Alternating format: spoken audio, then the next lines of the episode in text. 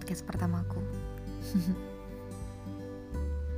uh, eh, pakai salam nggak ya? Salam aja dulu kali ya. Eh, ada suara motor lewat. Ya begitu memang kalau rekaman di rumah sendiri, bukan di studio. Ada aja suara. Yang tadi siang ada suara Pak RT benerin sisi belakang rumahnya mau hari raya terus kalau pagi-pagi ada ayam tetangga. Kalau malam di bawah jam 9 ada suara TV ada suara motor suara anak-anak kecil main. Nah, gak jadi-jadi podcastnya.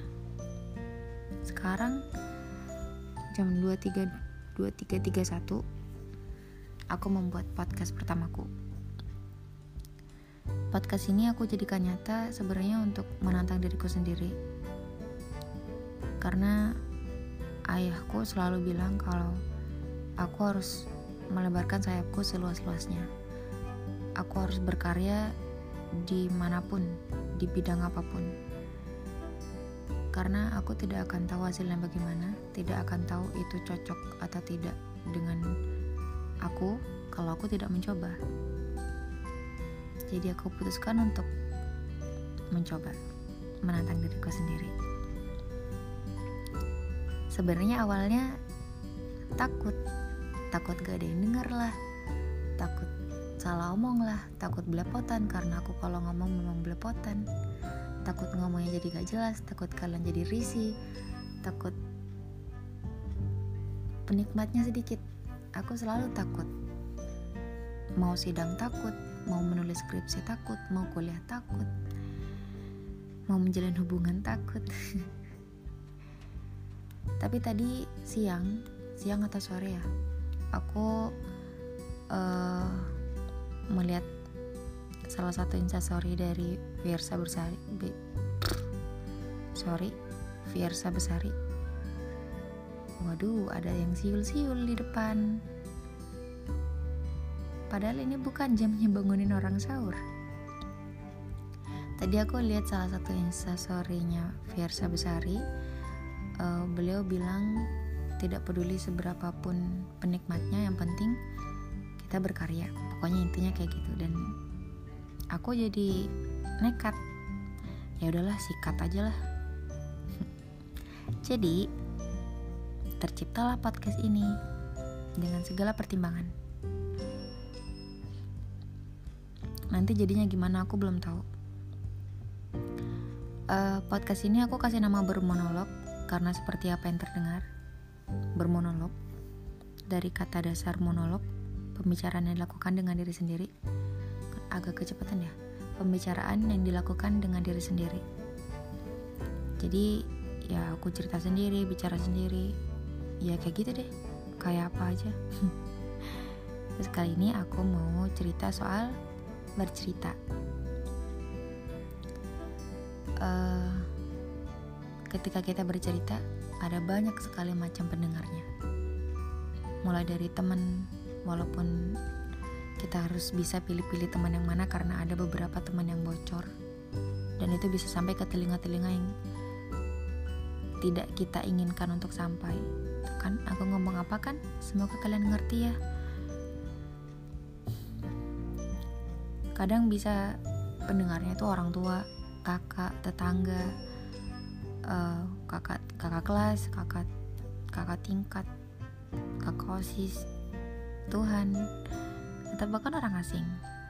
Kayak misalnya main game bareng ketemu orang asing terus ngobrolnya asik terus jadinya curhat. Bisa aja kan? Dan mau bercerita tuh pasti awalnya harus percaya gitu. Nggak mungkin ujuk-ujuk cerita. Percaya sama ini percaya sama pendengarnya. Karena gimana ya menurut aku ketika aku menceritakan sesuatu dengan seseorang kepada seseorang berarti aku mempercayai dia untuk menjaga ceritaku gitu. Nggak mudah loh bercerita. Nggak semua orang bisa bercerita. Karena karena beberapa dari mereka takut cerita itu mungkin nggak sampai pada tujuan yang seharusnya. Cerita itu mungkin nggak diterima dengan baik. Cerita itu mungkin bisa tersebar ke mana-mana. Ya kan? Beberapa orang makanya takut untuk bercerita karena kemungkinan-kemungkinan itu karena kita cuma manusia biasa.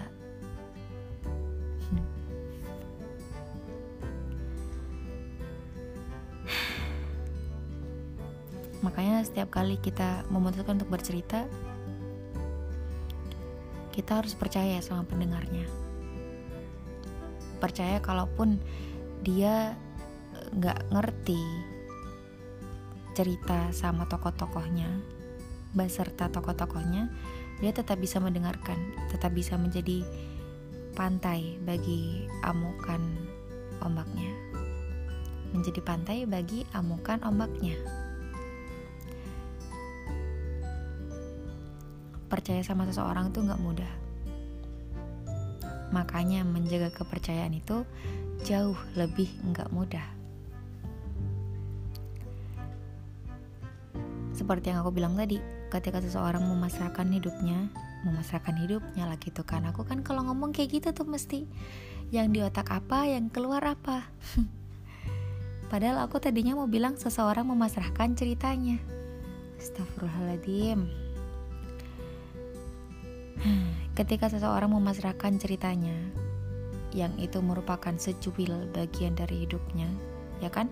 Itu tuh kan pasti udah uh, udah menjadi bagian meskipun sedikit, ya tetap menjadi bagian juga dari hidupnya, ya kan?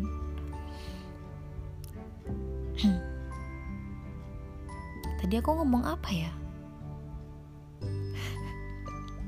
Ketika seseorang memasrahkan ceritanya, kepada kita untuk kita bantu, untuk kita tampung, untuk kita temani. Sebisa mungkin, walaupun itu sulit, kita harus jaga apa pun yang orang lain pasrahkan pada kita. Bukan cuma cerita loh ya, ada uang juga kan, jabatan, tanggung jawab, bekas pacar.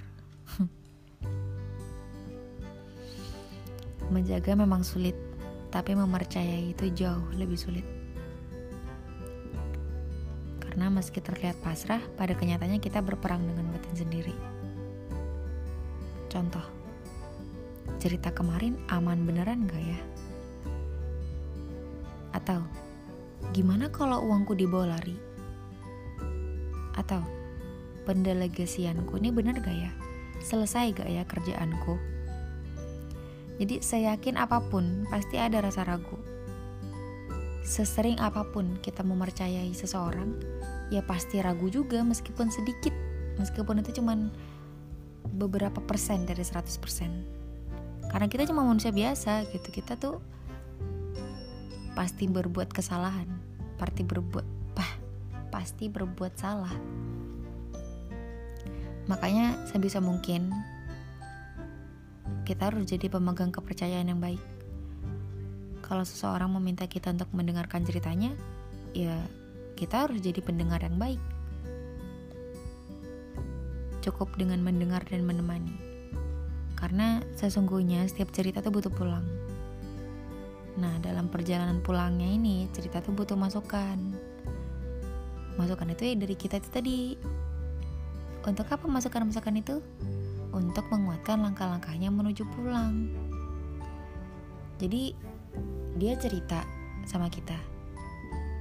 Dia cerita dengan harapan setelah cerita sama kita terus dia mendapatkan masukan dari kita, dia tahu dia akan melangkah ke mana, dia akan mengambil keputusan seperti apa atas keresahan itu. Kalau ceritanya tentang keresahan, kalau ceritanya tentang kebahagiaan, ya cerita itu pak ya cerita itu akan tetap pulang. Aduh ngomong belepotan cerita itu akan tetap pulang dengan tujuan bersyukur. Ya kan? Iya apa iya? Iyalah. Ya kan? Ya dong. Oh gini lagi. Uh, aku tahu pasti banyak yang nggak setuju. Setiap setiap per, pernyataan itu pernyataan pasti ada pro dan kontranya. Karena Tuhan memang menciptakan manusia dengan watak luas hati sikap uh, isi kepala bentuk tulang semua dengan perbedaan jadi jangan kaget kalau aku dengan kamu atau mungkin kamu dengan dia itu punya beberapa hal yang gak sejalan di hidup kita masing-masing, di hidup kalian masing-masing.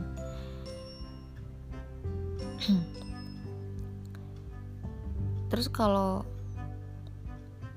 udah ketemu yang kayak gitu, udah ketemu perbedaan-perbedaan itu, ya kita nggak usah marah, nggak usah mencak-mencak. Karena perbedaan tiap manusia itu pasti juga melahirkan perbedaan-perbedaan di tengah kita. Ini aku nulis apa? Perbedaan tiap manusia itu pasti juga melahirkan perbedaan-perbedaan di tengah kita. Ini aku nulisnya mabuk apa? Maksudku kita gak perlu mencak-mencak karena ya memang ada perbedaan itu gitu. Tidak perlu yang uh, gimana ya? Kita tidak perlu mempermasalahkan perbedaan itu karena ya memang beda sebagaimana kita berpikir kalau ah kamu salah aku yang benar dia lawan kita yang berbeda itu ya pasti juga berpikir seperti itu kamu yang salah aku yang benar. Terus kalau sama-sama mau dirinya sendiri yang benar gimana? Selesainya sampai kapan? Kapan selesainya maksudnya? Jadi Tugas kita itu bukan membuat semua orang menjadi sama dengan apa yang kita mau. Tugas kita tuh cuma menerima kalau dunia itu nggak bisa dilihat dari satu sisi aja, gitu. Ini aku ngomong berapa menit ya? Coba kita cek. 12 menit cuy Ini ada yang mau dengerin atau enggak Astagfirullahaladzim Udah Tadi aku ucap salam atau enggak ya di awal? Semoga bermanfaat ya, teman-teman. Walaupun ini agak enggak serius, walaupun agak membosankan, semoga ada sesuatu yang bisa dipetik. Dah, terima kasih.